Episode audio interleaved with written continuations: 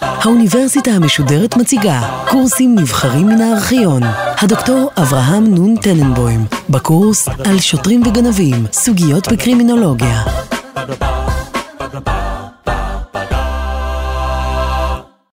פשע הוא נושא שתמיד ריתק, מרתק וכנראה ירתק את עניין הציבור. תמיד בכל החברות, וסביר להניח שבכל התקופות, פשעים, עבריינים, שוטרים וגנבים, זכו תמיד תמיד לעניין ציבורי ולתשומת לב רחבה. אפשר לראות את זה בברור אם נסתכל על כל עיתון יומי או על כל אמצעי תקשורת. באופן כללי, כמות הזמן שמוקדשת לפשע היא מעל ומעבר ממה שמוקדש לנושאים הרבה יותר חשובים כגון חינוך ובריאות. אפשר לראות את זה לא רק באמצעי התקשורת, אלא גם באמצעי הבידור, כגון סרטים, ספרים, מחזות. בכולם אנחנו רואים עניין רב מאוד בפשע, ובכל הגיבורים שמסביבו. בארצות הברית למשל מעריכים שיש כ-20 אלף מקרי רצח בשנה. רק מיעוט קטן מתוכם נעשה על ידי מה שמכונה רוצחים סדרתיים. בכל זאת, העובדה היא שיש כמות עצומה של ספרים וסרטים שמוקדשים לרוצחים סדרתיים. בציניות אנחנו יכולים לומר שעל כל רוצח סדרתי יש כמה עשרות ספרים ומחזות, אם לא יותר. לפעמים ההתעניינות בפשיעה לובשת גם אופי מוזר ואפילו ביזארי. בזמנו, שעונש המוות היה נפוץ, ההוצאה להורג הייתה במרכז העיר ולבשה צביון דומה לקרנבל. זה לא המקום להיכנס לשאלה מדוע עניין הרב בפשע, למרות שהשאלה מעניינת, אבל זה דבר שקיים עובדתית. אבל צריכים להוסיף שפשע זה לא רק דבר שמעניין את הציבור, אלא גם יקר מאוד לציבור. ניקח לדוגמה את, אפילו את בתי הסוהר בישראל. התקציב השנתי של בתי הסוהר בישראל בשנת 2000 היה קרוב למיליארד שקל. ליתר דיוק, 916 מיליון שקל. עלות אסיר אחד לחודש היא בערך 8,000 שקל, יותר ממשכורת של מורה. יוצא אם כן שיש לנו תופעה שמאוד מעניינת את הציבור מצד אחד, ומצד שני היא גם מאוד יקרה. לאור העובדה שיש לנו תופעה מעניינת ויקרה, זה לא פלא שנעשו ניסיונות רבים לנסות ולחקור את תחום הפשע מבחינה מדעית. זהו עיסוקה של הקרימינולוגיה המודרנית, תורת הפשע. המילה קרימינולוגיה בעצמה פירושה היא קרימינל לוגיה, דהיינו תורת הפשע. בתחום הזה, ולפחות בהסברים ותיאוריות שבו, נשתדל לעסוק בסדרת השיחות. אבל לפני שאנחנו דנים בתחום עצמו, אנחנו צריכים לדון בהגדרה. מהי קרימינולוגיה? אנחנו בחרנו את ההגדרה שרואה את הקרימינולוגיה כמדע בין-תחומי, שעוסק בחקיקת החוקים, הפרתן, תגובת החברה אליהם והתוצאה של תגובה זו. בהגדרה זו יש שתי נקודות שכדאי לשים לב אליהן. ראשית, למה אנחנו מתכוונים כשאנחנו מדברים על מדע בין-תחומי? אנחנו מתכוונים לכך שקרימינולוגים משתמשים ברעיונות ושיטות מחקר ממדעים שונים ורבים, כולל פסיכולוגיה, סוציולוגיה, כלכלה, רפואה, משפטים ועוד ועוד. כל אלו הם כלי עבודתו של הקרימינולוג. שנית, ההגדרה היא רחבה מאוד. תחום הקרימינולוגיה מתחיל ברגע בו נחקק חוק פלילי כלשהו, ממשיך הלאה לאנשים שלא מצייתים לחוקים, ממשיך לתגובה של החברה לאותם אנשים, ומסיים בתוצאה של התגובה. המסגרת המרחיבה של הקרימינולוגיה מכילה לכן בתוכה תופעות רבות מאוד, אבל אנחנו בעיקר נשתדל לעסוק בתיאוריות בקרימינולוגיה. למה אנחנו קוראים תיאוריה? תיאוריה באופן כללי מוגדרת כהסבר או כניסיון להסבר בין תופעות. במקרה שלנו, אנו מבקשים להסביר תופעות בפשיעה. יש שאלות רבות רלוונטיות, כגון למה דווקא אנשים אלו ולא אחרים הם פושעים? מדוע בחברה מסוימת יש יותר פושעים מאשר חברה אחרת? מה הסיבה שדווקא סוג מסוים של אנשים נכנס או לא נכנס לבית סוהר וכן הלאה? ניתן דוגמה אחת ברורה. ברוב מדינות העולם, כולל בישראל, רוב האנשים שנמצאים בבית סוהר הם גברים צעירים, חסרי השכלה, ושייכים פחות או יותר לשכבה הנמוכה ביותר של האוכלוסייה. זוהי עובדה שקיימת כמעט בכל מדינה יהודוה. כשאנחנו מדברים על תיאוריות, אנחנו נשתדל למצוא הסבר והסבר טוב לעובדה זו דווקא. אבל אנחנו צריכים לשאול מה אנחנו רוצים מתיאוריה שתהיה טובה, או מהסבר כלשהו שיהיה טוב. וישנם כמה מאפיינים. לדוגמה, אנחנו רוצים שלתיאוריה יהיה היגיון פנימי. לא יכול להיות למשל שתיאוריה תטען שאדם הוא עבריין בגלל סיבות ביולוגיות הטבועות בו, ובאותה צורה ממש תטען שהדרך לטפל בעבריינים היא על ידי יצירת סביבה תומכת. אם הסיבה לפשיעה היא סיבה ביולוגית, אז הפתרון גם צריך להיות ביולוגי. ולהפך. אנחנו גם רוצים שתיאוריה תהיה רחבה ככל האפשר. למשל, נניח שיש למישהו תיאוריה על זיופי צ'קים בתל אביב בשנות ה-90. יכול להיות שהתיאוריה שלו נכונה, יכול להיות שהתיאוריה שלו מעניינת. יכול להיות אבל שהיא גם חשובה. אבל אנחנו מעדיפים תיאוריה שתהיה רחבה ככל האפשר, שתכליל בתוכה הסבר למקרי פשע בארצות שונות, בזמנים שונים, במקומות שונים וכן הלאה. תכונה חשובה אחרת לגבי תיאוריה היא האפשרות לבחון אותה. תיאוריה או הסבר שאין אפשרות לבחון אותם הם בעייתיים. נראה דוגמה אחת. נניח שמישהו מעלה תיאוריה ששודדי בנק הם שודדים, בגלל שאימותיהם ננשכו על ידי נחש בזמן שהם היו בהיריון. הוא גם מוסיף ואומר שמדובר בנחש שלא משאיר סימנים בהקשה, כך שהאימהות לא ידעו את זה.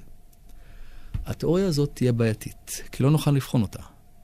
התוצאה הסופית היא שאנחנו לא יכולים לומר עליה דבר, וממילא היא לא כל כך רלוונטית. וכמובן, עוד תכונה חשובה בתיאוריה היא שנוכל להשתמש בה לשם קביעת מדיניות ציבורית. ניתן דוגמה אחת. אם נסבור ונוכיח שעונש מאסר מרתיע עבריינים בכוח, רצו להשתמש בו. אם נוכיח שההפך הוא הנכון, דווקא המאסר גורם לאסירים, כשהם יוצאים מבית הסוהר, לפשוע יותר, יכול להיות שכדאי להמעיט בו. בקצרה, הקשר בין תיאוריה למדיניות ציבורית הוא ברור וחד משמעי. אבל התכונה החשובה ביותר של התיאוריה היא התאמתה עם המציאות. ישנן תיאוריות גדולות ויפות שנרצחו, אם ניתן לקרוא לזה כך, על ידי עובדות מכוערות שפשוט לא התאים. אם למשל יטען מישהו שפשע נובע מהורמון שמופיע בעיקר אצל נשים, הטענה שלו תופרך מיידית. מדוע? משום שעובדתית, בכל החברות, בכל הזמנים, בכל המקומות, כולל כמובן בישראל, רוב הפשיעה נעשתה על ידי גברים, ורק מיעוט שבמיעוט על ידי נשים. אם יטען מישהו למשל שהסיבה לפשע היא הזדקנות ביולוגית, דהיינו הזקנה גורמת לפשע, גם התיאוריה הזאת תידחה על הסף. מדוע? משום שגם כאן, עובדתית בכל התקופות, ככל שאדם מתבגר, הוא פחות מעורב בפשע. אני נחזור שוב על עובדה זו, כי היא חשובה. המבחן העיקרי של כל תיאוריה והסבר זה התאמה למציאות העובדתית. מקובל לחלק את התיאוריות בקרימינולוגיה לשלוש קבוצות גדולות. אלו הן הקלסיקנים, הפוזיטיביסטים והרדיקלים. ואנחנו נסביר אותם לפי הסדר ההיסטורי שלהם. הקלסיקנים, שהיו בעיקר משפטנים, הניחו שלאדם יש רצון ובחירה חופשיים. לשיטתם, אין צורך לשאול מדוע אדם מבצע פשע. התשובה ברורה. אדם מבצע פשע מהסיבה הפשוטה שהוא מפיק ממנו תועלת כלשהי. תועלת כספית, רגשית, סיפוק פסיכולוגי או תועלת אחרת. לשיטתם, מה שאנחנו צריכים להתרכז בו זה לא למה אדם עובר את הפשע, כי זה טריוויאלי. השאלה שלנו היא מה לעשות. הפוזיטיביסטים לא הסכימו עם תפיסת האדם של הקלסיקנים. הם טענו שהתנהגות אנושית איננה נבחרת, אין מדובר בבחירה חופשית, אלא בהשפעה של גורמים אחרים. הגורמים המשפיעים יכולים להיות ביולוגיים, פיזיולוגיים, חברתיים ועוד. אבל האדם עצמו, למרות שנדמה לו, הוא לא הקובע. לכן, הדגש צריך להיות על מציאת הגורם לפשע. אם נמצא את הגורם, נוכל אולי לקבוע מדיניות שתטפל בו. מדיניות שלאו דווקא תתבסס על ענישה כמו הקלסיקנים. אם נוכיח למשל שעוני או חינוך לקוי גורמים לפשע, אז הפתרון איננו ענישה, אלא הרמת רמת החיים או שיפור מערכת החינוך. הרדיקלים שהם חדשים יחסית, התמקדו בעיקר על הגדרת החוקים הפליליים, ובעיקר מדוע נחקקו חוקים פליליים אלו ולא אחרים. הם החלו לקרוא תגר על ההגדרות הבסיסיות של פשע. הם התחילו לשאול למה התנהגויות מסוימות מוגדרות כפשע ואחרות כלא. למה אנשים מסוימים מוגדרים כפושעים ואחרים כלא. ניתן דוגמה אחת בולטת לעין.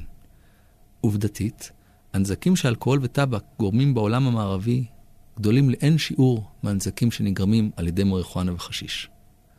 הרדיקלים לכן נשאלו, מדוע מותר שימוש בטבק ואלכוהול, אבל אסור השימוש בחשיש?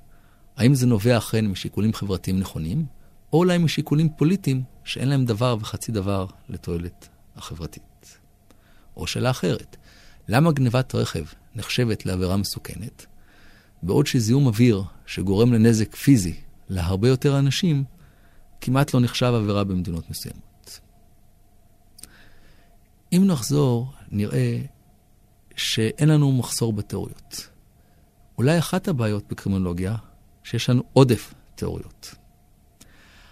אבל אם יש לנו יותר מדי תיאוריות, יותר מדי הסברים, זה מצביע על כך שאולי יש לנו בעיה מסוימת בהבנת התופעה. המציאות היא שבדרך כלל די לנו בתיאוריה אחת שמסבירה עובדות. אם יש יותר מדי תיאוריות, יותר מדי הסברים, כנראה שרובם לא נכונים. לצערנו, זה המצב היום בקרימינולוגיה. אבל העובדה הזאת לא צריכה להרתיע אותנו ומכמה סיבות. ראשית, אנחנו צריכים לזכור שיש ענפי מדע מכובדים מאוד, שרק בשנים האחרונות החלו להיחשב כמדע. לדוגמה, אסטרונומיה. באסטרונומיה עוסקים כבר כמה אלפי שנים, אבל עד לפני 300-400 שנה היא לא הייתה יותר מאשר ניחוש מבוסס על ספקולציות. אריסטו למשל טען שהכוכבים מסתובבים במעגלים. למה? כי מעגל זה תנועה מושלמת, כוכב הוא מושלם, מכאן שכוכב מסתובב במעגלים. רק לפני 300-400 שנה, כשהחלו תצפיות, פתאום התברר שכוכבי הלכת מסתובבים בליפסה ולא במעגל. היום אסטרונומיה היא תחום מדע מכובד ומדויק לחלוטין. נסתכל על מדעים אחרים, למשל הפסיכולוגיה והכלכלה.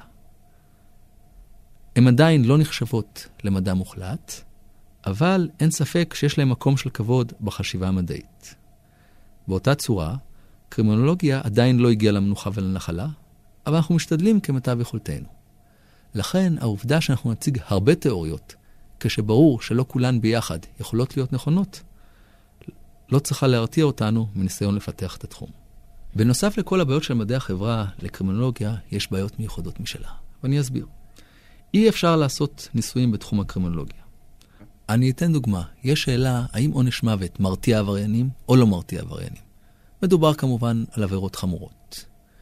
אפשר לבדוק את זה בצורת ניסוי. בארצות הברית היום, בחלק מהמדינות יש עונש מוות ובחלק אחר אין. אפשר לחלק את ארצות הברית לשני חלקים. אקראיים. בחלק אחד, עונש מוות יופעל בצורה גורפת, סוחפת, על הרבה עבירות חמורות. בחלק השני, לא יהיה עונש מוות בכלל על שום עבירה. נבדוק את זה במשך, במשך 20 שנה, ואחר כך נראה אם מספר הפושעים והעבירות גדל או ירד. ברור כמובן שאי אפשר מבחינה טכנית לעשות ניסויים בקרימינולוגיה, וממילא זה נשאר תיאורטי לחלוטין. אבל הבעיה היא לא רק שאי אפשר לעשות ניסויים בקרימינולוגיה, הבעיה היא שאפילו העובדות לא תמיד חד משמעיות. אני אתן דוגמה אחת. מקובל לומר שעבירת הרצח היא העבירה המדווחת ביותר למשטרה. למה? כי יש גופה, וברגע שיש גופה, קשה להסתיר אותה. אבל נניח שאנחנו רוצים לדעת כמה מקרי רצח יש באיזושהי ארץ מערבית. יש כיום שתי דרכים לעשות זאת. דרך אחת היא באמצעות הסטטיסטיקה הפלילית של המשטרה, דרך שנייה באמצעות תעודות פטירה שחותמים על מורפים. אבל הנה מסתבר ששתי הדרכים הללו נותנות לנו תוצאות שונות. זאת אומרת, אפילו אם אנחנו רוצים לדעת כמה מקרי רצח יש בישראל, שלא לדבר על ארה"ב, אין לנו תשובה חד משמעית. נכון הוא שההבדלים לא גדולים, אבל גם הבדלים של 10% הם גדולים מאוד. וזה כשאנחנו מדברים על רצח. אם אנחנו מדברים על אונס, גנבות, פריצות, תקיפות, אלו עבירות שאחוז עצום מביניהם בכלל לא מדווח למשטרה. במקרה הזה, לא ברור כלל אם הסטטיסטיקה הפלילית והמספרים שנותנים לנו משקפים את הפשע בפועל. אבל שוב, נחזור שוב, גם זה לא צריך להרתיע אותנו. הבעיות שהצגנו לא צריכות להרתיע אותנו מלחפש תיאוריה טובה בקרימינולוגיה. משום שבפועל, כל מדיניות ציבורית מסתמכת על תיאוריה. אפילו המדיניות הציבורית שלנו בישראל. אנחנו שופטים אנשים, שולחים אותם לבתי סוהר, קונסים אותם, ומפעילים סנקציות כאלה ואחרות על סמך תיאוריה שיש לנו פחות או יותר. כל מי שהתיאוריות שנציג לא מוצאות חן בעיניו, כל מי שסובר שמדובר ברעיונות פשטניים, צריך לזכור שבפועל אנחנו מסתמכים על תיאוריות והסברים שאנחנו נותנים לעצמנו. לכן רצוי שהתיאוריה תהיה כמה שיותר טובה. עד כה דיברנו בצורה מופשטת, אבל אני רוצה לתת דוגמה אחת שעבדה. בניו יורק הייתה בזמנו בעיה של גרפיטי ברכבת התחתית. בשנות ה-60 וה-70 סברו שלא תהיה אפשרות לפתור את הבעיה הזו. כל הניסיונות שנעשו על ידי המשטרה והעירייה לא הצליחו. עד שבסופו של דבר ניסו לחקור בצורה ברורה מה הרקע ומה הבסיס לפשיעה הזו. מה התברר? התברר שיש קבוצה של כ-500 בני נוער, שמשתנה כמובן עם השנים, שנהנים לצייר על הרכבות, משום שהדבר נותן להם תחושה כלשהי של חשיבות. והעונש כלל לא מרתיע אותם, ומה שמושך אותם, מה שגורם להם לעבור את העבירות, זה הידיעה שלמחרת כל החברים שלהם יראו את הגרפיטי על הקרונות. בתגובה לכך, החליטה הנהלת רכבת התחתית על שיטה אחרת לחלוטין למלחמה בגרפיטי. הם התחילו פשוט לנקות את הקרונות. ולא רק זאת, אלא שכל רכבת, או קרון ליתר דיוק, שנוקה, לא עלה יותר על הפסים, אלא אם כן הוא היה נקי. זאת אומרת, אם בא אחראי בבוקר וגילה שהקרון נוסע עליו גרפיטי, הקרון היה צריך להיות נקי תוך שעתיים. אם לא, הקרון לא יוצא. אפילו אם זה יש שעות עמומס, ואפילו אם ימתינו הרבה אנשים. אם ניקח בחשבון שבניו יורק היו 6,000 קרונות, אז נבין שזו עבודה של 3-4 שנים, אבל עובדתית זה עבד. הסתבר שכל אותם אמני גרפיטים, נקרא לזה כך, פשוט הפסיקו את הציורים. ברגע שהסתבר להם שהציורים שלהם לא יופיעו על הקרון, ואין טעם בעבודה שלהם, הם הפסיקו. למה הבאנו את זה? כי הבאנו את זה לדוג... להראות דוגמה שבו מקרה פשע נפתר לא על ידי שימוש במשטרה, לא על ידי שימוש בסנקציות, אלא על ידי חיפוש ההסבר לתופעה ומדיניות ציבורית שמסתמכת על ההסבר לתופעה. בסיכום שיחתנו, אני מבקש להזכיר מה שאמרנו מקודם.